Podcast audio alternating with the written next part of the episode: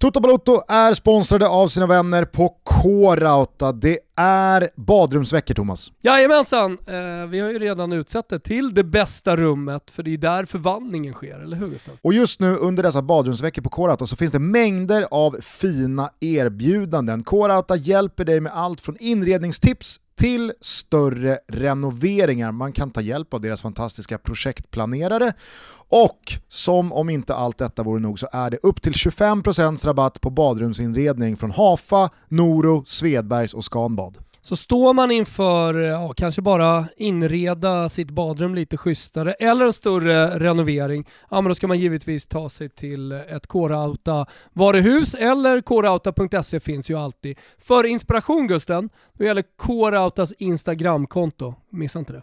Vi säger stort tack till K-Rauta för att ni är med och möjliggör Toto Balutto. Stort tack!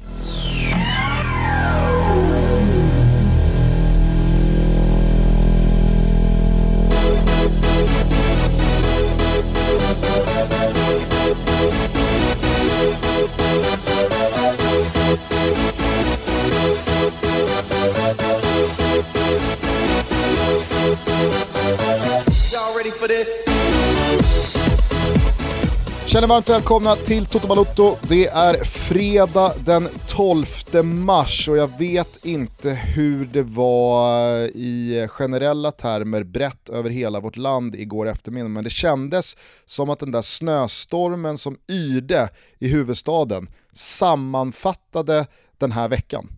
Ja, det är faktiskt eh, en ganska bra sammanfattning då med tanke på att eh, den har präglats av eh, Marek Hamsiks intåg i eh, intåg, ja men det känns som att han har liksom tågat in i eh, IFK Göteborg och eh, sen då eh, Kindlunds avgång i Hammarby och alla spekulationer kring, eh, kring det. Eh, och ja, eh, ja det, det, är väl lite där vi står just nu, eller hur Gusten? Ja, sen så tänker jag framförallt på fotbollen som också spelats. Alltså Juventus-Porto, var det den mest eh, snöstormaktiga match man sett senaste året? Ja men det gav ju puls i alla fall och det är precis det man saknar. Eh, även om varken Porto eller Juventus är lag som eh, får igång mitt supporterhjärta så kan jag fortfarande kolla på fotboll och känna puls och den här matchen den var, ja men det var högoktanigt, verkligen, och det var spänning in på målsnöret. Jag, jag tyckte det var en helt fantastisk fotbollsmatch, precis så som man önskar att alla finaler är, alltså från åttondels och, och, och framåt.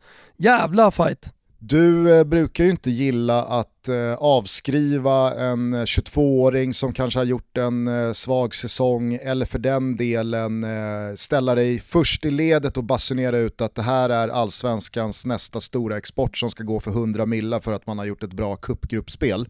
Men vad läser du in i Cristiano Ronaldos insats i den här matchen, där han återigen i en stor match under sin sejour i Juventus har eh, spelat långt ifrån huvudrollen och har han spelat huvudrollen så har det kanske varit på ett negativt sätt. I det här fallet då som en eh, tydlig tredjedel i kanske den sämsta mur som någonsin eh, agerat på en fotbollsplan. Eh, ska vi liksom, ska vi markera den här matchen tror du i sagan om Cristiano Ronaldo som någon slags eh, del i eh, början på slutet? Kanske, det återstår att se, men, men det kan mycket väl bli så i och med att eh, den här bilden på något sätt blir så historisk, den blir nästan episk. Eh, och eh, sammanfattar inte bara Cristiano Ronaldos tid i Juventus utan sammanfattar väl eh, Juventus internationella kuppspel under millennieskiftet. Eh, man skulle väl kunna gå tillbaka och, i tiden och säga historiskt. Alltså, de har inte varit speciellt framgångsrika i Champions League. Eh, men, eh, ja, men det ena är ju vad jag läser in i det och tolkar, det andra är ju vad som skrivs i Italien. För att det är ju det, det är ju sån såg, alltså det är motorsågen, eller motorsågarna som är framme är otroliga efter den här matchen. Och eh, det har pågått under hela veckan egentligen. Eh, Cristiano Ronaldo måste komma ihåg det. Han köptes inte in för att göra 40 mål i ligan och vinna ligan åt Juventus, utan eh, han köptes in för att lösa Champions League. Han är Mr Champions League. Eh, vem, vem, vem är inte bättre att ta in än, än eh, just honom? Alltså André Agnelli, han, han, han ville göra slut på den här förbannelsen som har vilat över Juventus. De har ju ändå två finaler och ja men du vet det har sett bra ut men det har inte riktigt nått hela vägen fram. Nu jävlar tar vi in Cristiano Ronaldo så löser vi det. Eh, och så, då, då, spelar det liksom ingen roll att han är väl redan uppe i 20 baljer i, i Serie A, vilket är helt fantastiskt. Och han, bidrar hur mycket som helst i, i ligaspelet. Han har varit bra i matcher också i, i Champions League. Det spelar ingen roll. Det är de här matcherna, exakt den mot Porto där han ska kliva fram och avgöra. Det är därför exakt han den tjänar... mot Lyon i somras. Ja men vad tjänar han? 30 miljoner euro netto per säsong? Ja, men är du med? Han är så jävla dyr, Juventus har inte ens råd med honom. Eller knappt råd med honom. I alla fall blir hela Juventus lagbygge påverkat av eh, det Cristiano Ronaldo kostar såklart. Eh, och då, då måste det komma leverans. Eh, och sen så finns det ju liksom en djupare analys att göra av eh, liksom Juventus eh, och de senaste två åren, egentligen sedan Beppe Marotta lämnade, vad Paratici har, har åstadkommit och hur, hur lagbygget ser ut. Det är många som pekar på ett mittfält som inte funkar, det är många som pekar på äh, men andra värvningar som man inte tycker är da Juve så att säga. Så att, så att eh, det blir eh, mångbottnat i de italienska tidningarna nu och, och, de analyser som görs landar ganska mycket på den sportsliga ledningen och, och ett misslyckande. Eh, och symbol för det får liksom bli Cristiano Ronaldo. Eh, det känns ju på ett sätt ganska orättvist kan man ju tycka i och med att eh, de ändå har vunnit alla de här ligatitlarna och har varit ett par finaler och liksom gått upp mot de största i Europa som har betydligt större budget än vad Juventus har. Mm. Men sen så har man, sen har man liksom på något sätt eh, försökt att, att, att vara den italienska motsvarigheten till City, till PSG, till Barcelona, Real Madrid och Bayern München. Alltså vara den här stora klubben som faktiskt kan ta in de största spelarna. Eh, och, och, man markerade, eller markerade, men, men, men på tal om symbolik så blev det, ju, blev det ju väldigt tydligt då när man tog in Cristiano Ronaldo. Nu spekuleras det om han kanske ska lämna och att, han, eh, att, man, att man inte förlänger och att han har gjort sitt Juventus, att det blir en annan typ av satsning. Eh, men det, det, det återstår ju att se. Finns ju också någonting att säga om Andrea Pirlo och valet av honom. Alltså ska det här landa på Cristiano Ronaldo som hoppar i en mur, som misslyckas mot Porto? Ja, det ska det garanterat göra. Men hur, hur stor del av det här tårtdiagrammet ska liksom Cristiano Ronaldo ha? Hur stor del ska Paratici ha? Hur stor del ska Andrea Pirlo ha? Mm. Eh, det, det får, där får man väl göra sin egna analyser men alltså jag kan väl tycka liksom att, eh, jag älskar att vara konkret, det vet du Gustav. Jag, jag, jag, kan väl tycka att Cristiano Ronaldo får 30% och Paratici får 50% och sen så landar 20% på kanske Andrea Agnelli. Om man nu ska... Så 0% på Pirlo? Ja men han... Han är det, på något det var sätt... ändå snällt för att vara Thomas Wilbacher tycker jag. Ja, men jag, jag, jag, jag, jag, vill, jag vill liksom ta i Juventus från ett led, ledningsperspektiv.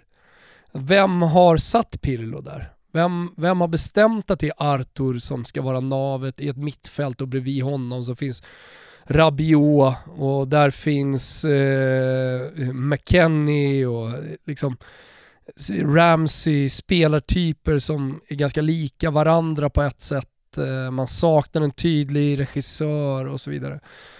Är du med? Jag måste bara, jag måste bara bryta in här med mm. en symbol som jag tycker kanske sammanfattar bäst vad som är problemet med Juventus i liksom jakten på att ta nästa steg och att man fortfarande ska vara Juventus och att eh, ja, men, vissa saker ska vara da Juve och så vidare.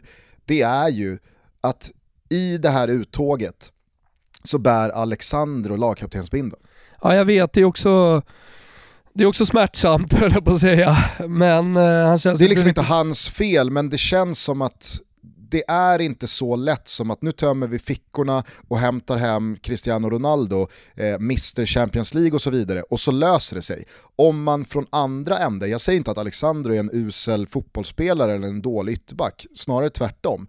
Men när lagbygget från andra hållet leds av en sån lagkapten. Nu vet jag också att Chiellini har dragits med skador och att det finns eh, Bonucci och Buffon-alternativ som är mer kaptener, da Juve och så vidare och så vidare. Men om man går till den här ögonblicksbilden, du nämner ett par spelare, det finns en rad andra jag tycker att eh, Bernardeschi, eh, Morata, eh, då, Demiral som jag så gärna vill tycka om och som jag så gärna vill tro kommer bli en otroligt bra mittback på den högsta nivån.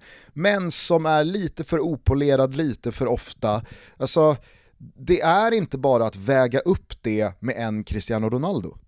Nej, eh, tyvärr så är det ju inte så enkelt att man kan ta in en spelare och det är det jag menar. Det är därför, det är därför jag vill att eh, ansvaret ska landa på, på ledningen. Och, Men jag eh, tycker också att Andrea Pirlos sätt att angripa det första mötet som, mm, alltså hur man än vrider och vänder på det, är en jäkla stor del i det här uttåget också. Så är det klart att han kan ju inte stå där skuldfri. Nej men så, så, är det ju såklart. Eh, alltså, ska man gå in på det sportsliga så, så kan man ju de, delvis gå, gå in på spelare och, och hitta lite underprestationer där och sen så givetvis också på, på den som är ytterst ansvarig för vad som händer ute på planen. Den som har förberett den här matchen som pratade så mycket inför den här matchen om att man, man, man hade analyserat och återanalyserat och tittat på matchen 50 gånger och man visste minsann vad man skulle göra. Eh, problemet tycker jag för Juventus är att man, man ger bort det här i första mötet. Man kan inte komma tillbaka till, om man är Juventus och man har Ronaldo på planen om man så tydligt satsar på Champions League, då kan man inte komma till Juventus Stadium med det utgångsläget. Jag tycker att Juventus förtjänar på ett sätt att gå vidare från, från den här matchen. Jag tycker att de gör mycket bra eh, mot Porto i, eh, i Turin. Men det, eh, det, det, är liksom, det är en final, det blir för slumpartat, det, det blir för riskfyllt att komma tillbaka med det utgångsläget. Man ger bort första matchen. Och ja, men det, det, det, kan man inte göra för då kan man hamna där. Precis där, där, Juventus hamnar liksom. Sen så måste jag säga att jag tycker också som du att när, eh, när, när slutsignalen för ordinarie tid går så har Juventus gjort tillräckligt för att liksom, förtjäna att gå vidare och vända på den här steken. Å andra sidan så är ju det ett resultat i väldigt hög utsträckning av att Taremi åker ut i 54 minuten och det är ju ett extremt hårt rött kort att få eh, två minuter efter ens första gula i en Champions League åttondelsfinal. Alltså, visst, det, det, det, det, där är ju själva, tycker jag, sinnebilden av det är gult kort om du inte har gult kort.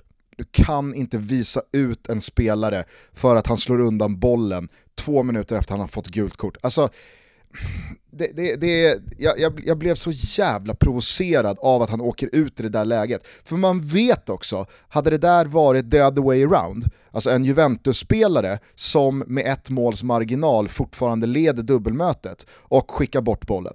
Han åker aldrig ur. Alltså det, det, sen så kan folk tro vad de vill, men Björn Kuipers visar aldrig ut Ronaldo där. Nej. Han visar aldrig ut Bonucci eller Rabiot. Så du förstår vad jag menar, att mm. jag tycker att Juventus också gör en insats som absolut kan ta dem vidare. Men jag tycker att det där röda kortet på Taremi är så jävla orättvist att jag, jag förstår ju varför matchen ser ut som den gör sista 40 minuterna. Och när allting är över så tycker jag att det som Porto lyckas rida ut med en man mindre i då nästan 70 eh, minuter med förlängningen inkluderat, det är ju liksom fan vilken jävla hatt som ska lyftas på för Conceição och eh, Pepe Herregud, och ja. Porto alltså. Herregud, eh, och, och de gör en så jävla gedigen insats också. Eh, du vet när man ser, ser ett lag på planen som står rätt. De vet vad de ska göra när de får bollen. Allting är planerat och det har nått spelarna. Alla vet sin uppgift. Alltså den känslan får man ju verkligen av Porto när man kollar på båda de här mötena. Mm. Men eh, jag, jag, jag, såg bara här en grafik på Ronaldos eh, Champions League-spel sedan 2003. Eh, och då är det ju tre smärtsamma år då som inleder Manchester United-karriären, höll jag på att säga. Men inleder egentligen hans seniorkarriär. Och sen så är det då från 2006 semifinal, han vinner med United och sen spelar han final 2008-2009. Åker ur med Real Madrid i Eh, åttondelsfinalen 9-10, sen är det semifinal, semifinal, semifinal, vinst, semifinal, tre gånger vinst och sen går han till Juventus.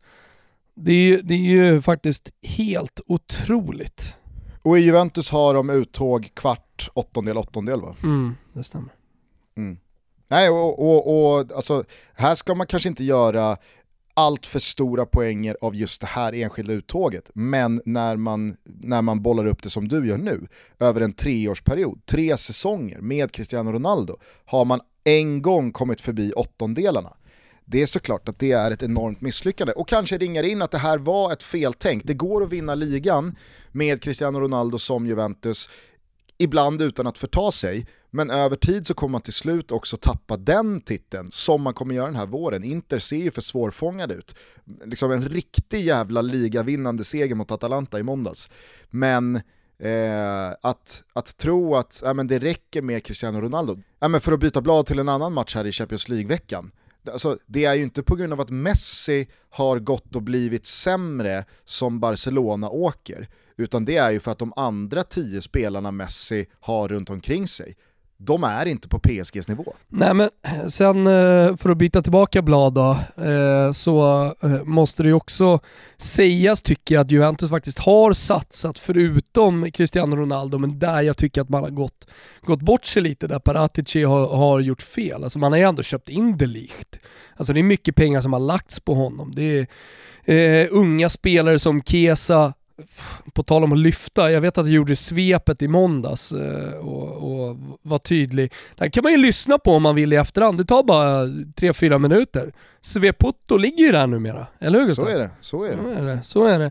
Nej men jag, jag är otroligt imponerad av hans utveckling och att han blivit en poängspelare. Så att jag menar, Kulusevski, Chiesa, uh, unga spelare som McKennie jag nämnde tidigare, Eh, det, där, där tycker jag man har gjort det bra, på de unga spelarna. Det likt också. Jag tycker att han gör en bra säsong. Han var skadad lite men överlag så, så har han verkligen anpassat sig till den italienska ligan och han är, han är på väg att höja sin nivå. Eh, är det bara jag som tycker Delicht ser fyra kilo för tung ut? Ja, men jag tycker också han ser lite eh, tung i röven ut. Alltså han, är, han har lite, ja, men lite som när Martin Åslund spelade på hans tid. Va? Lite baktung. Nej men eh, jag, jag förstår vad du menar för, och, och, det blir ju det blir, det blir tydligt när han blir lite bortvänd sådär. Han är lite, han är lite Finlandsfärgad ibland när han möter små snabba spelare. Uh, han ser men, alltid så jävla trött ut i 75 Ja men det har någonting med hans ögon att göra. Okay. uh, jag vet inte, men jag tycker han gör en bra säsong. Jag tycker att han har utvecklats och jag tror att, uh, jag är övertygad om att, att det var ett köp Kanske inte så jävla mycket för nuet, men, men definitivt för de kommande tio åren. Där, där har man gjort det bra. Men det är på de etablerade spelarna, eh, som man trots allt har lagt pengar på, som jag inte tycker att man har lyckats. Eh, en annan spelare som fan känns helt jävla fundamental i Juventus Gusten, det är ju Quadrado. Jag tycker att de blir ett helt annat lag när han spelar. Helt annat lag. De dubblar upp ute på kanten vet du, ja men då viker han inåt. Kulusevski han drar ut till höger och då tänker backarna och allihopa, ha nu kommer passen här. Då tar han tre snabba steg inåt. Alltså jag är inte, jag är inte såld på Quadradas. Jag, jag, jag såg hur mycket praise han fick under eh, matchen mot Porter.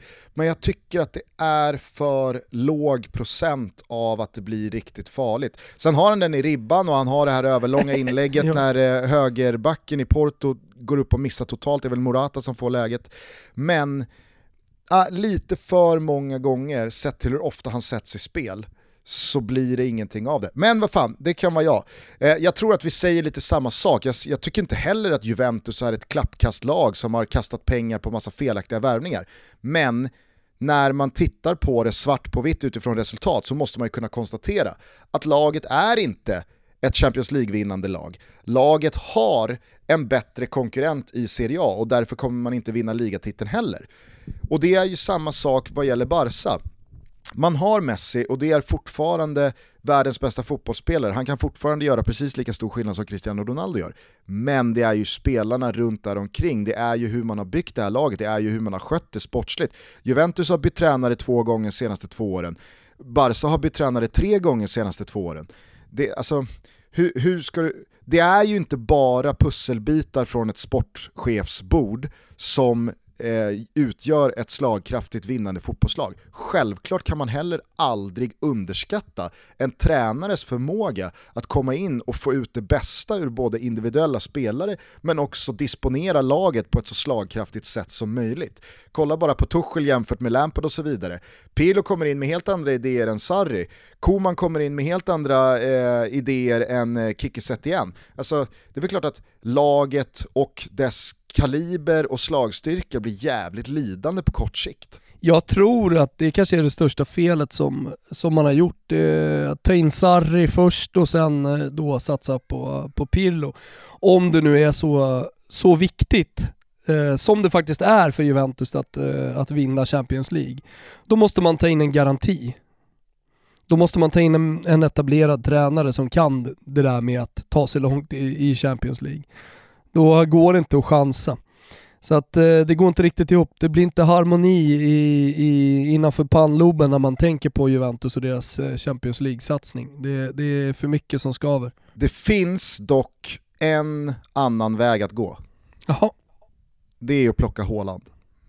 Ja herregud alltså. Galna jävla hålet. Men de kan ju inte spela, ja då, då kan ju inte Ronaldo vara kvar. Allting talar ju för att han spelar 2022 eh, också i Juventus, det ska jag säga. Det är inte så att man liksom skeppar honom i sommar nu bara på grund av det här. Men det, det, är väl, det är väl just det där med att han nu börjar dela supportrarna. Det finns ju såklart de som alltid kommer vara team Ronaldo och Juventus-supportrar som står bakom honom efter det här.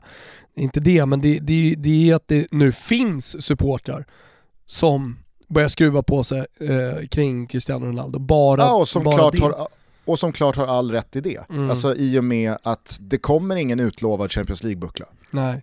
Jag vet inte vad som händer med Haaland för övrigt, om det, är, om det är snack om att han ska gå redan i sommar eller om, om det är 2022. Och jag menar, är det så att eh, man inte förlänger med Cristiano Ronaldo och, och spelar ut, det hade varit, spelar ut kontraktet, det hade, det hade varit rimligt. Det hade, det hade varit logiskt eh, till och med eh, av Juventus liksom att inte satsa de pengarna för att då är, hur gammal är Cristiano Ronaldo? Då är han 85 eller? Han är 85 Ja, så han är 37 då. 2022 när kontraktet går ut. Mm. Och, och då som någon slags tronarvinge till honom kommer Håland, kommer hålet vill jag säga, in.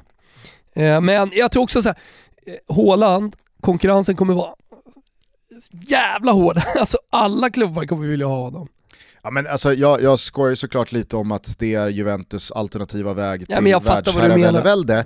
Det var bara för att jag ville komma in på Håland och, och, och Dortmunds eh, avancemang. Men eh, det som är sagt är väl att eh, det finns en klausul sommaren 22 som eh, gör att Håland inte kommer spela i Borussia Dortmund 22-23. Det finns väl fortfarande goda möjligheter att han spelar i Borussia Dortmund 21-22, eh, men då måste dels Borussia Dortmund spelar Champions League, det ser jag som eh, givet. Men man kan heller inte tappa allt för mycket i slagstyrka vad gäller typ Jadon Sancho och så vidare. Men har man Mino Raiola, alltså vad, vad, kan man sitta och, vad kan man sitta och slå fast i mars vad gäller sommaren? Mm. Det, det, är klart att man inte kan göra. Eh, det jag, däremot, det jag däremot känner mig ganska trygg i, det är väl att eh, de spanska lagen, de har inte ekonomi för att ta eh, Håland i sommar. I synnerhet inte Barca om man har förstått deras räkenskapsböcker rätt. Har de tänkt att behålla Messi här nu som Laporta ändå kanske inte har gått till val på men i alla fall ja, har, har, har, dundrat ut att vi kommer göra allt för att behålla Messi då, då ser jag det som fullständigt otänkbart att Haaland ansluter. Real Madrid har ju lite, alltså, Real Madrid har ju en mycket tuffare ekonomisk situation än vad många kanske vet om för att allt ljus har ramlat på Barcelona den senaste tiden.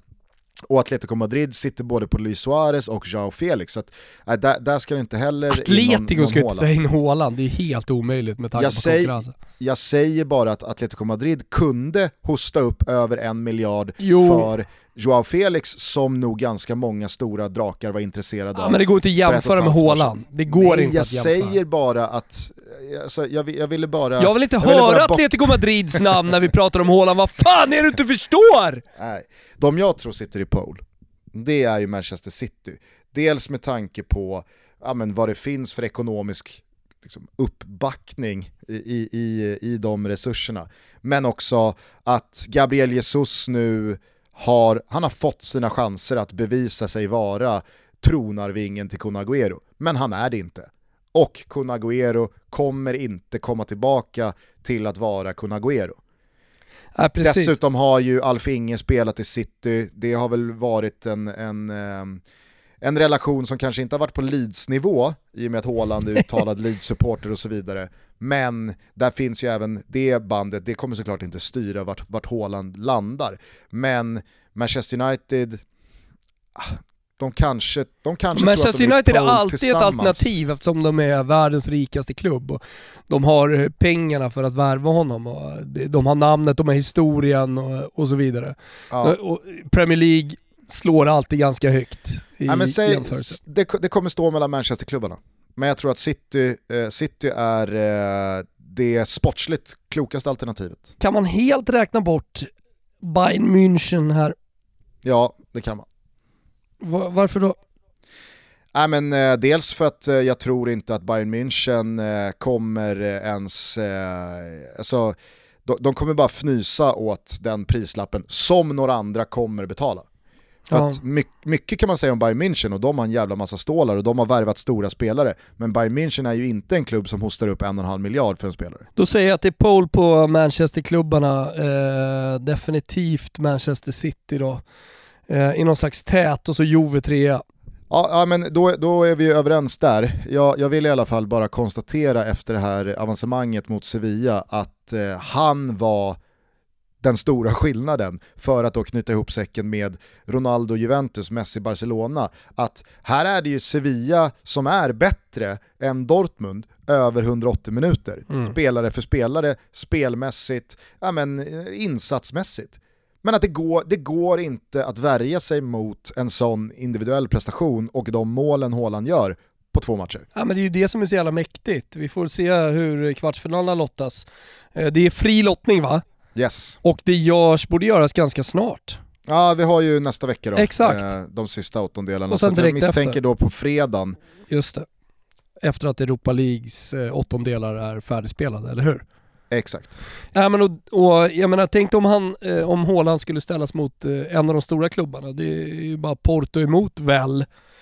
Ja men har vi, har Liverpool, PSG, vi har eh, Porto då, eh, men, eh, och så har vi Dortmund från det här. Och det, det är bara stora lag. Och ja, nästa, nästa vecka kommer City, Bayern eh, och Real Madrid förmodligen oh, gå vidare då. Vilka jävla kvartsfinaler. Jag håller det fortfarande som mini-öppet mellan Atletico Madrid och Chelsea.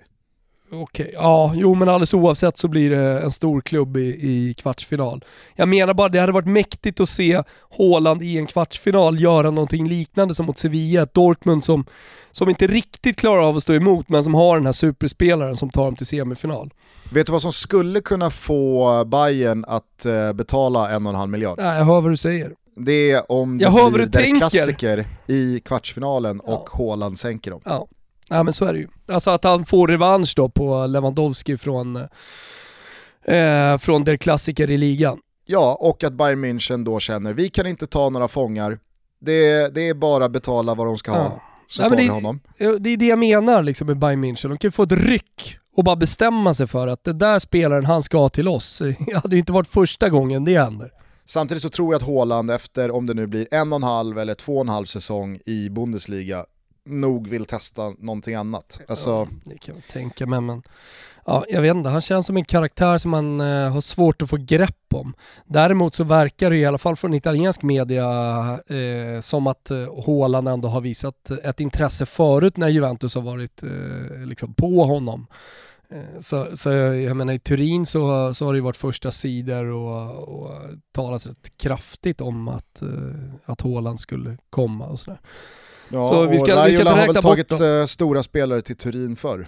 Herregud ja, herregud ja. Vi är fortsatt sponsrade av Volt och på voltfashion.com eller i en av alla 40 butiker som finns runt om i landet så är multibrand-utbudet för oss män Ja men det är nästintill oändligt. Ja men det är liksom alltihopa, från eh, skjortor och kostymer till då jeans, eh, Chelsea boots som du sitter i, eh, snygga tröjor och så vidare. Och det är ju dags nu Gusten, det är ju läge att passa på att handla. I och med att våren, äh, ska vi säga att den är här? För den är ju, vad är det man brukar säga på uh, meteorologspråk? Den är liksom, inte officiellt här, men den är uh, meteorologiskt här. Ja exakt, meteorologisk mm. vår. Jag vet dock inte om personalen i butiken i Umeå håller med och nickar med här nu om att våren är här, men eventuellt gör de i Malmö det. Definitivt gör de det och vi har ju redan haft plusgrader och härliga dagar i Stockholm. Så passa på nu när ni har 20% med koden TOTO20, både på voltfashion.com men också i butik, att uppdatera er garderob, gör det lite vårsköna. Och jag gillar extra mycket att det är fokus på Skandinaviens bästa design. Mm. Det är någonting speciellt att klä sig i Tiger, J. Lindeberg, These Glory Days, Oskar Jakobsson och Samse Samse. Filippa K också. Alltså det, ja. det, jag menar, det, finns en, det finns en krispighet, en sexighet som jag tycker överensstämmer med både Toto Balutto och min egen persona. Vet du vad jag ska få? Nej. Jag ska få en liten nytändning på Filippa K var jävligt mycket Filippa K för 15 år sedan, men nu såg jag att min polare, en av mina bättre kompisar, Rickard Frost, har blivit VD på Filippa K. Så att nu, nu ska jag fan eh, göra en vända till in på Volt.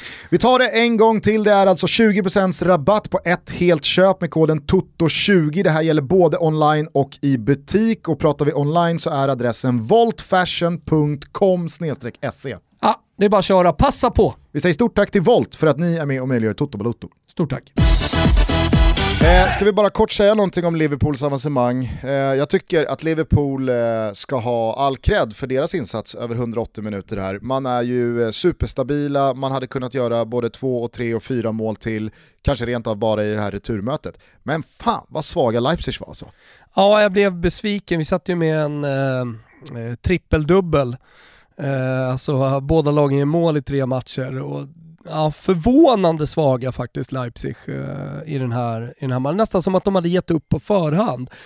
Vilket på ett sätt nästan skulle kunna vara förståeligt med, med tanke på utgångsläget och 0-2 åka till Liverpool, men, men eh, att man skulle vara så svaga, det, det trodde jag inte. Men det är också det är också hatten av till, eh, till Liverpool som löser det här på eh, ett fenomenalt sätt. Och, och, i det prekära läget som man ändå befinner sig i, om man pratar om liksom klubbsituationen och tongångarna runt laget och hur Klopp har sett stressig ut och eh, svarat argt på uh, intervjuer, så, så tycker jag ändå att eh, det är någon slags så här, kavla upp ärmarna seger som jag tror också kommer få effekt i ligan.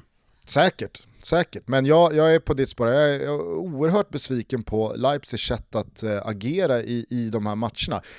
Inför returen, men visst, utgångsläget var uselt. Å andra sidan kommer Liverpool från en helt hemsk resultatrad och insatser därefter. Man har ju varit direkt dåliga i många matcher. Senaste matchen de spelade torskade de hemma mot Fulham, så jag menar, eh, Nagelsmann och de där spelarna kan ju inte ha känt att äh, men det är Goliat vi går upp mot, det här blir omöjligt. Gör vi bara första målet så, så lever ju den där matchen till 100%. Istället så går man ut och det ser ut som att det är Liverpool som behöver jaga två-tre bollars underläge och bara öser på. Jag menar Barca gick ut med fan en tro på att det här kan gå, fram till att Messi missar den där straffen där och då så dör det ju för Barca, för då vet de att det kommer inte gå. Men hade Barca Eh, hade Messi satt den där straffen, helt övertygad om att då går de in i paus och känner det här kan gå.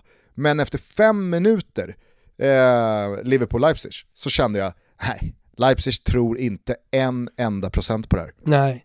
Alltså en annan sak som jag tror är helt viktig, det är ju att man får igång får igång och får igång men att eh, nyckelspelarna i anfallet får lite självförtroende. Att Salah gör mål, att Mané gör mål. Det tror jag nästan är kanske det viktigaste man tar med sig från eh, eh matcherna mot eh, Leipzig. Eh, alltså Mané som äntligen får sätta en nick liksom. Eh, ett inlägg som sitter på en panna för en gångs skull. Det som Liverpool har varit så framgångsrika på. Mm. Ja, men så det blir nog en effekt i ligan. Det tror jag. Ja. Vad tar du med dig från Europa League-torsdagen? Åttondelsfinalernas första matcher spelades. Ja, alltså jag hade ett stort eh, öga på Manchester United såklart mot, eh, mot Milan och imponerades, på tal om att få effekt i ligan och hitta tillbaka till form och sådär från Liverpools match. Alltså fan vad bra de ändå är Milan. Och då, då, då ska det definitivt sägas att Manchester United inte gör någon supermatch och att de är inne i en period kanske som inte är, är jättebra, men, men det, är ändå, det är ändå en ruskig prestation man åker och gör på Old Trafford. Sett till, ja. också, sett till också var, var Milan kommer ifrån. För det är lätt att bara säga så här: jo men Manchester United, de är inte så bra just nu. Det, vad är det för Manchester United man gör en bra prestation mot? Ja men vad är det för spelare då? Milan kommer med Kronic. ja men Sälemäckers och Kronic och, och, och, gubbarna. Hur många nyckelspelare spelar inte den här matchen? Alltså Chalanoglu och Zlatan och så vidare. Alltså, ja, ja. Och det är ett Milan som har vacklat i ligan och som har fått jättemycket kritik i, i, i Italien för de senaste veckorna. Och kommer tillbaka och man gör det i, i, i Europa där italienska lagen sannerligen inte har gått speciellt bra. Och då pratar jag inte bara om den här säsongen. Nej. Så jag, jag, jag blev faktiskt imponerad. Ja, nej men jag, jag, tyckte det påminde ganska mycket om eh, matchen mot eh, Hellas Verona senast i, i, ligan också, där man kände att nu kommer det nog ett par jobbiga resultat för Milan här med tanke på den sjukstuga de har med Zlatan, med Chalanoglu, med Benazer, Rebic och så vidare. Alltså att så stabilt slå Hellas Verona på Bente Gaudi för att sen åka till Old Trafford och dominera i första halvlek, det, det, det imponerar stort på mig. Sen kan ju den här matchen sluta, alltså Daniel James ska ju slå in 2-0 i öppet mål och då kanske det rinner iväg till 3-0 och då, då är det ju svårt att stå och vifta med att Milan gör en bra spelmässig prestation i första halvlek om resultatet Såklart. blir 3-0. Nu får man med sig 1-1, men jag tycker fortfarande att Visst, Milan gör väldigt mycket bra i den här matchen och har också eh, tuffa förutsättningar att handskas med. Men vad, vad, alltså, vad gör Ole Gunnar Solskär? Vad är det för trippelbyte han skickar på med en kvart kvar? Ja, nej, det, det är återigen sådär så, så blir man frågande till eh, till honom som coach i Manchester United. Eh, och nu har vi pratat om storlagen, det blir ju så på fredagar när det har varit kuppspel eh, och vem som ska träna med. Alltså vi, har, vi har Pirlo i, i Juventus som för tank tankarna lite till Lampard i Chelsea, en satsning på en före detta spelare, en legendar eh, som precis har gått ur tränarskolan och, och läst eh, UFAB höll jag på att säga. Eh, fått licensen. Eh, du har eh, någonting liknande här ju i Manchester United, en eh, före detta legend som, som är trots allt ganska ung med, med lite erfarenhet som, som man satsar på. Och, ja, det, det, det, det exemplet som verkligen funkade, det var ju Diego Simeone. Men det, det vi ska komma ihåg från honom, det var att han hade ganska mycket tränarerfarenhet när han, när han kom till Atletico Madrid. Han jo, hade gjort det, en match. Det ska man väl ändå säga om Solskjaer, att han har ju ändå Molde, han har Karl, alltså så här, Jo men, jo, men visst, Molde! Man kan, ja, men det man kan skratta åt, alltså, ja, man kan skratta åt Molde, men, men jag tycker inte att man kan jämföra Solskärs tränarerfarenhet med Pirlos tränarerfarenhet. Det är två Nej. helt olika, ah. helt olika nivåer. Ja, vet fan alltså. Snudd Pirlo på hade, nästan Pirlo samma. hade haft licens att träna ungdomslag i fem dagar. Ja, det är ändå fem dagar. Nej men jag, jag, jag hör ju vad du säger, men det känns som att Molde, det är en annan sport. jag vill bara påminna om att Molde också spelade Europa League åttondelsfinal igår kväll, så att ja. Ja, och hur som helst, Diego Simeone hade haft Racing, eh, han var väl i Estudiantes och San Lorenzo också. Inte minst får vi fan inte glömma poängrekord i Catania. Eh, och så, så, så, att jag menar, det var, det var ganska många år innan han kom. Och där kan man ju också placera Conte. Han hade ju också flera tränaruppdrag innan han eh, landade i, i, Juventus, även om han var en ung tränare. Eh, ganska oerfaren när han väl kom, så att säga.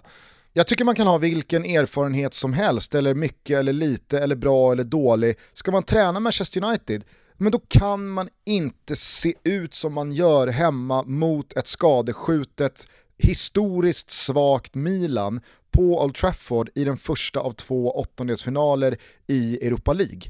Alltså det, det är, det, det, det, går inte. Nej. Det går inte. Och man kan inte göra de bytena han gör. Alltså så här, du, du kan ha varit tränare i 20 år eller 20 dagar. Att leda med 1-0 och det är en kvart kvar, då måste du väl förstå skillnaden på att dels gå upp och göra 2-0, att dels hålla 1-0, men framförallt att släppa in 1-1. Vet du vad? Men Ole Gunnar Solskär serverar Pioli med en kvart kvar, Här Stefano, Med de tre ta bytena. kvitteringen. Ja, ta men- kvitteringen. Jo, men man, man, har, man har ganska få verktyg som tränare under match att påverka matchutgången. Du kan stå där och skrika, du kan ge energi och elda och liksom i halvtid då kanske förändra någonting taktiskt, förändra under match någonting taktiskt. Eh, men, men verktygen är få i, inom fotbollen. Men du har bytena. Med de bytena kan du till exempel vinna en match. Och eh, det han gör med de bytena är att han förlorar en match. Precis. Och det kan man såklart, det, det är där du landar i analysen egentligen. Det kan man inte göra som Manchester United-coach. Du kan Nej, vinna kan en match, du kan ligga lite kvar på, på neutralt, det blir ungefär samma, men du kan, inte gå in, du kan inte förlora en match med bytena. Nej, och du kan inte disponera ett lag och dess matchplan på sättet som Ole Gunnar Solskjaer gör i de här matcherna. Det, det är, alltså så här, du, du, du pratar om da Juve, vad som är da Juve. Alltså det, det här är, det, är så, det är så långt ifrån Manchester United man kan komma det här tycker jag. Och visst, då ligger man på en andra plats i ligan och man spelar eh, Europacup-fotboll. Visst, här, är- eh, det, det, det, är väl någonting. Men vad är det för sätt man gör det på? Är det här Manchester United? Är det här det Manchester United har blivit? Äh, fy fan. Fan vad jag där- saknar mäktiga jävla Manchester United som gick ut på Old Trafford och bara tuggade i sig storlag efter storlag. Ge oss bollen, ut på kanterna, in med inlägget, storma in i boxen, fyll på andra våg, pressa högt, vinn boll, sätt ner flaggan i mittpunkten och, och liksom basunera ut att här är det vi som bestämmer. Vi skiter i om ni heter Real Madrid, Chelsea, Juventus eller eh, Bayern München. Här är det United som bestämmer. Jo men det går inte att tänka tillbaka på ett gammalt Manchester, gammalt Manchester United Gusten. Det, går inte att tänka tillbaka på ett gammalt Juventus. Det, det, det går liksom inte att vinna matcher med en identitet som man har förlorat och den identiteten kan man inte bara trolla fram igen. För det var andra klubbledare, det var en annan tränare, det var fucking Alex Ferguson på den tiden. Det går inte att trolla fram det. Det är förlorat, man måste bygga upp någonting helt nytt. Och exakt vad det nya är, det vet jag inte. Det enda vi har nu det är att Manchester United är fortfarande väldigt rika, de kan fortfarande knyta till sig både tränare och spelare och sportchefer eh, som, som är bäst i världen. Men eh, det, det, det, går, det går inte att drömma sig tillbaka till vad Manchester United var, för det är borta. Och det kommer inte komma tillbaka. Dock eh, så får man väl ändå se det som positivt att man i veckan här tillsatte dels en technical director och sen i någon liknande roll eh, tillsatte då Darren Fletcher. Alltså att man tar två stycken konkreta eh, positionsbeslut i den sportsliga ledningen för att nå framåt. Och det är ju mer än vad man har gjort senaste 5-6 åren. Så Vad att, ska han eh, göra? Ja, Technical director? Men, ja, men han ska väl vara teknisk direktör? Det Ja, ja, fattar ja. väl vem som helst. ja, Fattar väl vem som helst vad det till och med Hillman. Ja. Nej men vad gäller Manchester United, kanske har, vi, vi, har, vi har bara pengarna, minnena och saknaden kvar nu. Mm. Ja. Nej men framförallt så måste man ju bygga upp någonting nytt och Solskär är ju definitivt inte rätt man att bygga upp det nya, mäktiga, stora Manchester United som bara liksom ångvältar sig till en final i, i Champions League. Men han kommer stå där med inte. spaden. Man kommer stå där med spaden, det kommer man göra. Jag tyckte att det var imponerande segrar igår också för eh, mitt kära Roma. Jag såg Ajax fullständigt pulverisera Young Boys. Eh, tycker också att eh, vi ska lyfta Rangers här och Steven Gerrard. Filip Elander gjorde mål igår och visst det kanske inte imponerar på jättemånga att man spelar 1-1 borta mot Slavia Prag i en Europa League åttondelsfinal. Men bear in mind, man vann ligan i helgen som var. Eh, tog tillbaka tronen efter nio år av total Celtic-dominans och då är det inte så att Rangers med ett eh, hyfsat lag har kommit tvåa utan man har ju totalt eh, typ konkat, gått bankrutt, börjat om i fyran, jobbat sig tillbaka till Premiership under den här tiden och sen några år tillbaka ja, men satt kurs igen mot att bli bäst och med Steven Gerrard Alltså fan, det är jävla, eh, jävla fin gavetta han gör ändå.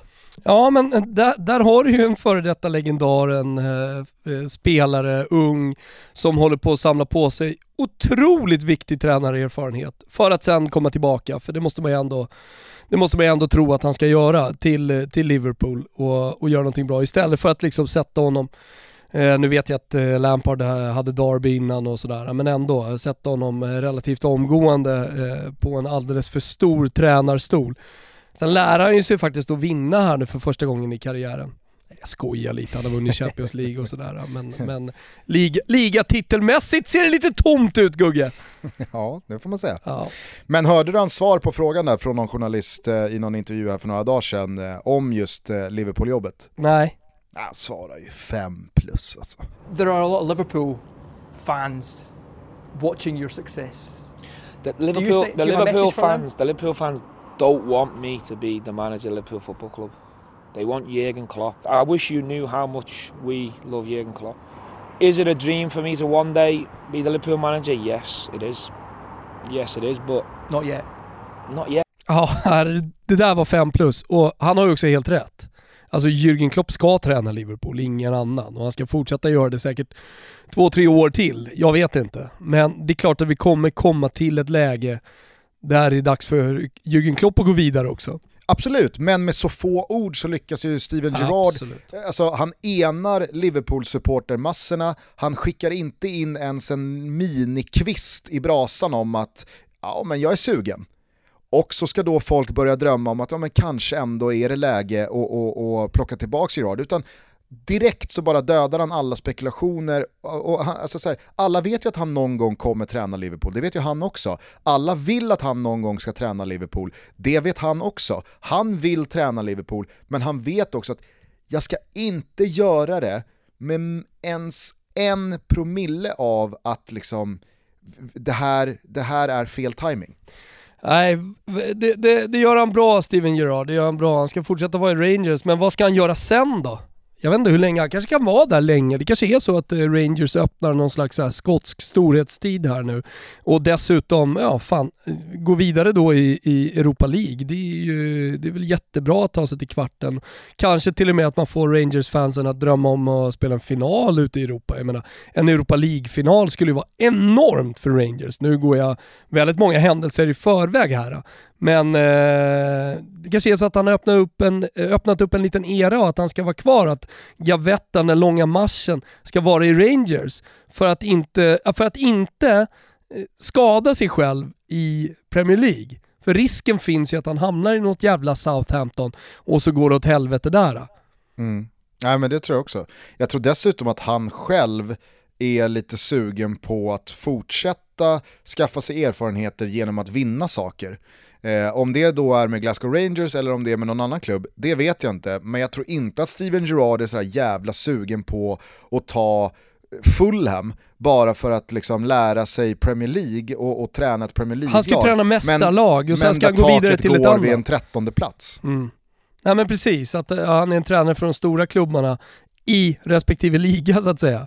Ja. Uh, han, han, han, är, han är inte varken mittencoach i Southampton eller rädda kvar Fulham i Premier League. Nej, när han kommer tillbaka till Premier League då, då, tror jag nog att både han vill och han ska ta Liverpool ja. för att gå för titlar. Ja, jag köper det.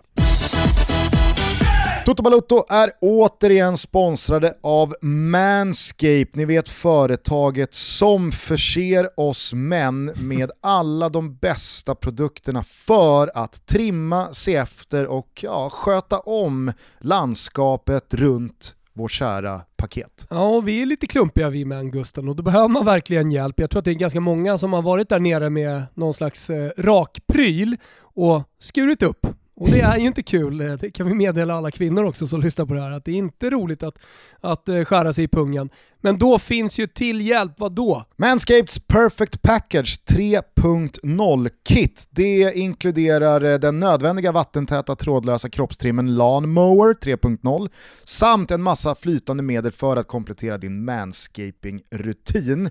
Eh, den här Lawnmowern det är den bästa trimmen på marknaden för er som vill raka hela kroppen. Deras tredje generations trimmer är försedd med en toppmodern keramisk rakhyvel som minskar skönhetsvårdsolyckor tack vare avancerad skin-safe-teknik. Hoho, här borta är det en som räcker upp handen Gusten. Jag skriver under på det.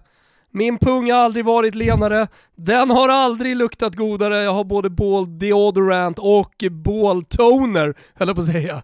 Äh, det är faktiskt otroliga produkter. Fan, se till att börja ta hand om er själva. Gå in på manscape.com och använd koden TOTO20 för då får man rabatt. Då får man 20% rabatt. Dessutom så ingår det gratis frakt. Så att koden TOTO20, manscaped.com är adressen. Och glöm inte att om man tecknar en prenumeration på detta perfect package, då får man en ny ersättningshyvel till sin Lawnmower 3.0 levererad Jaha. var tredje månad. Så den liksom aldrig blir sliten. Otroligt. Vi säger stort tack till Manscaped för att ni är med och möjliggör Toto Balotto. Ska vi tala för våra pungar, då säger vi väl också tack. Ja, vi säger stort tack. Toto20 i koden, in på manscaped.com. Du nämnde ju kort där i inledningen att det har varit en eh, snöstorm den här veckan som inte bara har kretsat kring det sportsliga. Marek Hamsik i all ära, fy fan, alltså det är, det är något så jävla speciellt med den där värvningen. Jag har lusläst eh, texter och intervjuer och krönikor och tankar och eh, tweets. Jag har eh, följt eh, första träningen på eh, Valhalla. Jag har eh, noterat att han har stått inne hos Volkswagen och väntat eh, liksom, pliktskyldigt i någon kö för att plocka ut en Tiguan. Alltså det, det är någonting med den här värvningen som inte går att likna vid någon annan. Nej. Det är svårt att sätta ord på. Nej, och någonting som man har förstått och då behöver man inte lyssna på tre timmar Erik Niva. Det kan man också göra, When We Were Kings finns ju med Marek Hamsik. Eh, men att det är en eh, hyperseriös person eh, vi pratar om. En, ett, ett proffs ute i fingerspetsarna. Eh, jag, jag sa lite slarvigt, det är ingen brasse som kommer här som har varit på karneval och eh, fullständigt supit ner sig utan eh, det, det, här, det här är dels en, en elitidrottsman sett till fysiken men, men också mentaliteten och det, det, det, visar han ju verkligen när han kommer in här i, i IFK Göteborg och, och tar gnugget direkt. Både i kön, i bilhallen på Volkswagen och eh, självklart också på planen. Jag såg en intervju här nyligen också att han, han sa att jag kanske inte har 90 minuter i mig men, eh, men det vankas träningsmatch i helgen och han, han såg spelsugen ut Marek Hamsik. Ja, verkligen. Och eh, så, som, som du nämner och som jag har varit inne på också, alltså det, det är, jag tror att det är 0% liksom eh, jippo här, det är 0% underskattning. Han är här för att göra det så bra han bara kan. Vad det räcker till, det tror jag varken han eller någon annan vet, just för att det är en sån speciell mix av individuell kvalitet i en liga som allsvenskan. Man, man, har så, man har så få exempel att peka på hur det slår ut. Så att, äh, jag, jag, är bara, jag, är bara, jag är bara så jävla peppad och så jävla spänd och det, och det har märkts hela den här veckan att så, här, så fort det, det, det flimrar förbi någonting med Hamsik, jaha vad är det här nu då? okay. Febrilt fingrar du ja. på, på skärmen. Det är sanslöst alltså. Då har ju liksom, Malmö FF har gjort ett par riktigt tunga värvningar i, i, i veckan här också, eller senaste tio dagarna, sett till det ekonomiska inte alls samma eh, kittlingar. Utan då har det bara så här, okej okay, det här, eh, Colak, eh, okej okay, det här är någon summa, han ska, jävla vilka pengar och Ja men det ryktades, ah, ja, ja, kan vi säga, det ryktas ju om att han ska tjäna 600 000 kronor i månaden. Ja, och det är ju för de som kanske inte har superinblick i den allsvenska ekonomin, det är ju par 300 procent mer än en riktigt, riktigt, riktigt bra lön i Allsvenskan. Ja. Det var roligt för övrigt eh, att det var många IFK Göteborg-supportrar som reagerade på att eh, du sa att Hamsik skulle tjäna lika mycket som eh, gemene lyssnare av Toto. Eh, och sen så kom det ju då i efterhand uppgifter om att han skulle tjäna 100 000 i månaden och då drog ju folk kopplingar direkt till att du trodde att en, en eh, gemene lyssnare på Toto tjänar 100 000 i månaden. Vilket är... Ja men gör de inte det eller? Ja det kanske... Jo, det, det bör de väl göra. Vad fan tjänar ja. folk? Det måste de Nej göra. men eh, det, det, det, det har jag också noterat eh, på, på Twitter här i, i veckan. Men då vill jag ju bara förtydliga att jag utgick då från vad jag hade hört, eh, att det här eh, korttidskontraktet fram till EM då handlade om någonstans runt 10 000 euro. Alltså det är bara en symbolisk summa som behöver betalas, som jag var inne på i, i Micke Lustig-fallet. Nu har ju Lustig signat ett rejält kontrakt med en ordentligt eh, vass allsvensk lön och en bra sign-on och så vidare. Åh fan.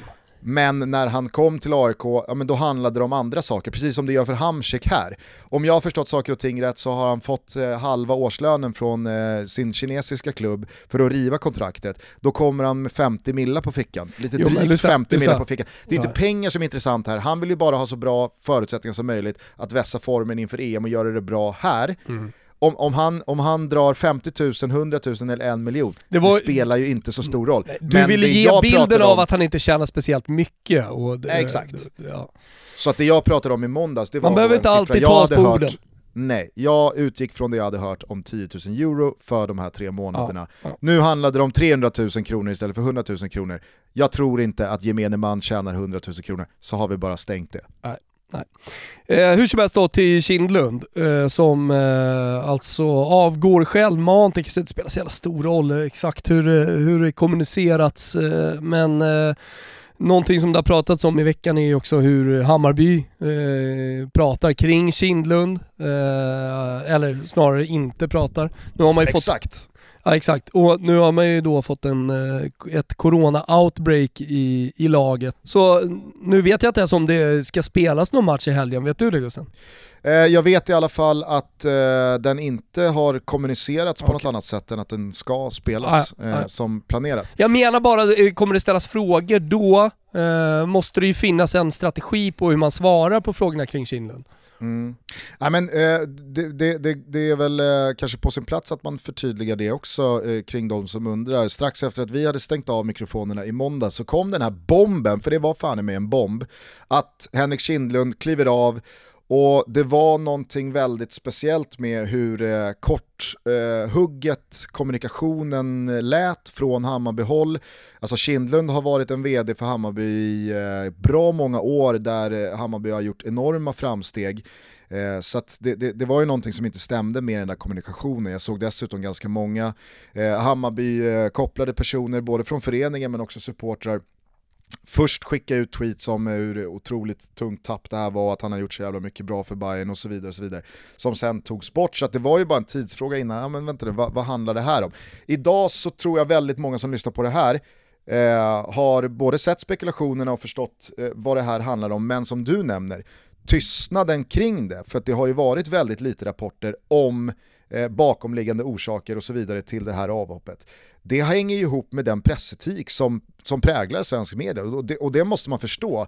Det är en jävla viktig grej eh, som eh, är 100% anledning till varför det inte spekuleras, namnges eller för den delen... Eh, ja, men... Spekuleras gör det väl? Nej, Ja okej okay då, men det spekulera, spekuleras, det, det görs det ganska mycket bland, eh, bland alla andra i så fall då. Jo, och, jo absolut, men jag, jag, jag pratar bara om den här, alltså så här, jag förstår den fullt rimliga reaktionen från typ Djurgårdshåll att varför drar man Kim Bergstrand i smutsen i tio dagar? Och det är kröniker hit mm. och det är liksom, man ska, man ska flå hans hud dit, eh, men i det här fallet så är det knäpptyst det är ju för att det kommer från två olika håll förutsättningsmässigt rent pressetiskt. Exakt. I Kim Bergstrands fall så finns det rörligt på när han säger en sån här sak och då är det pressetiskt fritt fram att reagera på det för att ingen kan liksom säga någonting annat. I Kindlunds fall så handlar det om någonting annat. Där är det andra förutsättningar vilket gör att man pressetiskt, man kan inte Eh, man kan inte spekulera, man kan inte namnge, man kan inte, ja, du, du, fatt, du ja, fattar ju vad jag menar. Absolut, men, jag absolut, men, men, men det blir så svårt. Den skillnaden och undrar Nej. varför det är så jävla tyst om det här. Jag vet, när... men i vissa fall så namnger man eh, i tidningarna och i vissa fall gör man det inte. Och jag vet att det där är, det är en hårfin jävla gräns och det, det är en gråzon.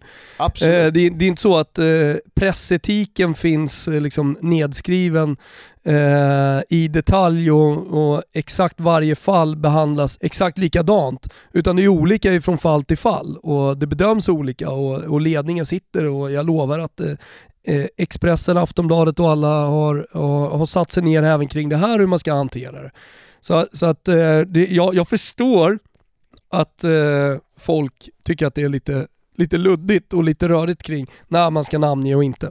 Sen kan man ju också känna, i alla fall jag, alltså, hur, hur har Bayern tänkt mediastrategiskt kring det här? Uppenbarligen så verkar det vara någon locket på-taktik att bara liksom få så många dagar som möjligt att gå för att det, det kanske inte kommer försvinna, såklart inte, men att det i alla fall ska tystas ner och inte bli större än vad det behöver vara. Det kanske är en jätteklok taktik, jag vet inte. Men jag kan, samtidigt, mm. jag kan samtidigt tycka jävla, så jävla synd om alla Hammarby-supportrar som ja, men, känner att den här situationen hade kunnat skötas så jävla mycket snyggare rent kommunikativt från klubben för att liksom visa att man äger situationen än att de ska behöva gå runt och, och, och bära på alla de här eh, extremt pissiga känslorna som det här medför. Exakt, för att det är jävligt många Hammarby-supportrar som mår dåligt just nu. Eh, ja. man, man, man är, precis som eh, alla eh, stora klubbar och sådär, så är man ju en familj, supportrar, spelare, eh, ledning. Det får man inte glömma bort, det är det som gör idrotten så speciell. Det är inget företag, även om vi tycker att det är modern fotboll och, och så vidare. Eh, och, och, när det här händer så är det som att det är, ja, men det, det, det är någon ur familjen. Eh, och och jag, jag, jag, kan verkligen känna med dem och det, det, det, jag menar att eh, situationen är så förjävlig som den är. Och I och med att han har varit en så viktig person i Hammarby och omtyckt. Mm. Ja absolut, och, och jag, jag, jag, säger det igen, jag, jag, tycker också så jävla synd om alla Hammarby-supportrar i det här. Jag tycker synd om klubben, jag tycker synd om spelarna, jag tycker alltså, här, att en sån här grej bara fullständigt knockar en klubb och kör över allting annat. När det är en individ som på privat, alltså, för jag, kan, jag, jag, lägger noll skuld på Bayern. Vad, ska de, vad, vad ska de ha kunnat göra åt det här? Det, det, det, går liksom inte att leta någon syndabock, det är bara så jävla beklagligt och pissigt. Och jag, jag, jag tycker att det är liksom hela grejen i sig är så vidrig så att jag, jag, jag, vet inte jag vet inte ens fan vad jag ens vill säga men, om men det. Bara, ba, ba, men men jag, jag, jag, jag landar ändå i att det som tar överhanden för mig, det är alltså, jag, jag, jag, lider verkligen med alla eh, som med, med någon form av koppling till Bayern. Mår dåligt i det där ja i något läge så måste ju Hammarby prata och mitt tips till Hammarby då, om det är värt någonting, det är att ta in proffs på det här. Tro inte att ni kan hantera det här själva, ta in proffs! Är inte känslan också att det eller de proffs som i sådana fall tas in säger behöver äga den här situationen? Behöver ta bladet från munnen och, och, och, liksom, och, kommunicera snarare ja. än att vara tyst. Och så, sen kanske den kommunikationen är liksom en linje, så, så eh, går man inte utanför den linjen utan det är liksom, vi säger det här, spelare säger det här och, eh, vi, vi har den här ställningen i ledningen. Men bara man väljer en väg att kommunicera, för man kan inte vara tysta. Och jag vill bara då än en gång påminna folk om att det här skiljer sig ganska rejält pressetiskt från exemplet då med Kim Bergstrand. Det finns många andra, men det är det som gör att media inte kan eller vill eh, rapportera om det här. Och det är den pressetiken och de pressetiska regler som jag tror ganska många med hela bilden klar för sig i slutändan skulle försvara och tycker det är ganska skönt att vi har i Sverige. Ja, nej men så är det, helt klart. Du Gusten, eh, kanske trist att gå ut på mål, men vi gör ju sällan det. Men timman men, går höll jag på att säga. Absolut, men låt oss då skifta till dur och slå fast att det är ännu en superhelg som stundar på Simor. Det är eh, dubbla kvartsfinaler lördag och söndag. På lördag så är det då nämnda Bayern hemma mot Trellehulla. Men kanske ännu mer sexy är då mötet 16.00 Peking-Häcken. Oj, oj, oj, Fribben i målform, folk har undrat, är rabatten på bara bäddsoffor nu borta i och med att han gjorde mål mot ja. Helsingborg? Nej, vi konstaterar väl att det är allsvenskt mål som gäller. Absolut, vi gör det. Utan att prata med Fribben så säger vi att det är, det är allsvenskt mål som gäller. Exakt, sen så fortsätter då cupkvartsfinalerna på söndag. Djurgården-Östersund och Degerfors-Västerås. Jag öppnar upp Fotbollssöndag Europastudion 20.00 på söndag. Vi har en riktig härlig kväll framför oss med dels då eh, Milan-Napoli men också Sevilla-derbyt. Sevilla-Bettis. Wow, Wow, wow, wow. Vi har en underbar helg att se fram emot och vi har, vet du vad vi har då när det är en underbar helg att se fram emot? Då har vi ett underbart måndagstotto att se fram emot på, på måndag. Och fortsätter snöstormarna yra utanför ert fönster och ni är golfintresserade precis som jag är så kan jag varmt rekommendera att maratonkolla Players som är igång sedan igår. Jag var hemma hos dig igår så jag såg fyra frames. Det är de frame golf jag kommer se det, det här året. Men eh, det såg bra ut Gusten. Du gillar ju... Eh, du och gillar publik ju, också va? Ja, ja visst. Ja. visst, visst. Ja, men du gillar ju alla former av eh, liksom, test av eh, idrottares pannben. Absolut. Du har ju en långkörare med Kalle Halvarsson i spåren och du kan ju eh, mer än någon annan jag känner imponeras över någon som bråkar sig tillbaka efter eh, ihärdiga skador och så vidare. Mm. Att det är pannbenet som, som visas upp. Mm. I just eh, players på TPC Sawgrass så är ju då 17 hålet, det är en... Det är pannbenshålet? Det är en ö-green Eh, mitt ute i vattnet bara, 120 meter. Och det, det, är, det, är liksom, det är golfvärldens mest pannbenskrävande hål när man spelar för segern där på söndag. Är det kanske det som är den nya golfen om 10 eh, år, 20 år, 30 år? Att man ska då, istället för öar, kanske ha en båt som ligger där? Med en green på, att man, att man liksom ska skoja till och göra lite mer nöjespark över allting. Det skulle fan få mitt golfintresse att skjuta i höjden Gusten.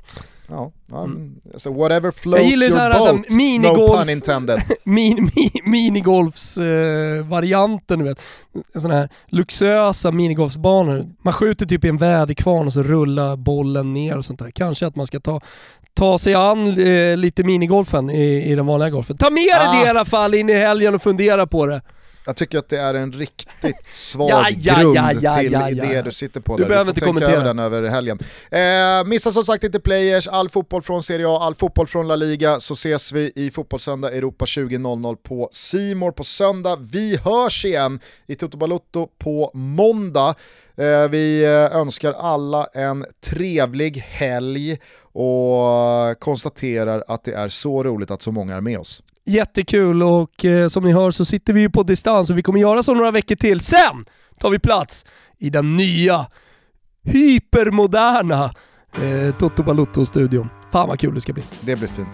Hörni, eh, ha det bra. Ciao tutti. Ciao tutti. Börja om från början, börja om på nytt. Varför ska man sörja tider som har flytt? Jag mötte en flicka. Vi var så kära i varann. Men efter en vecka löste hon våra band. När jag tänker på den tiden får jag ögat en tår. Men folk det säger tiden läker alla sår. Kanske det stämmer men inte på mig. Mitt hjärta det brinner brinner bara för dig.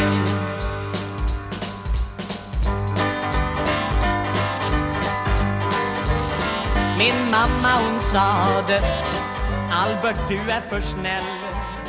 Jag jobbade extra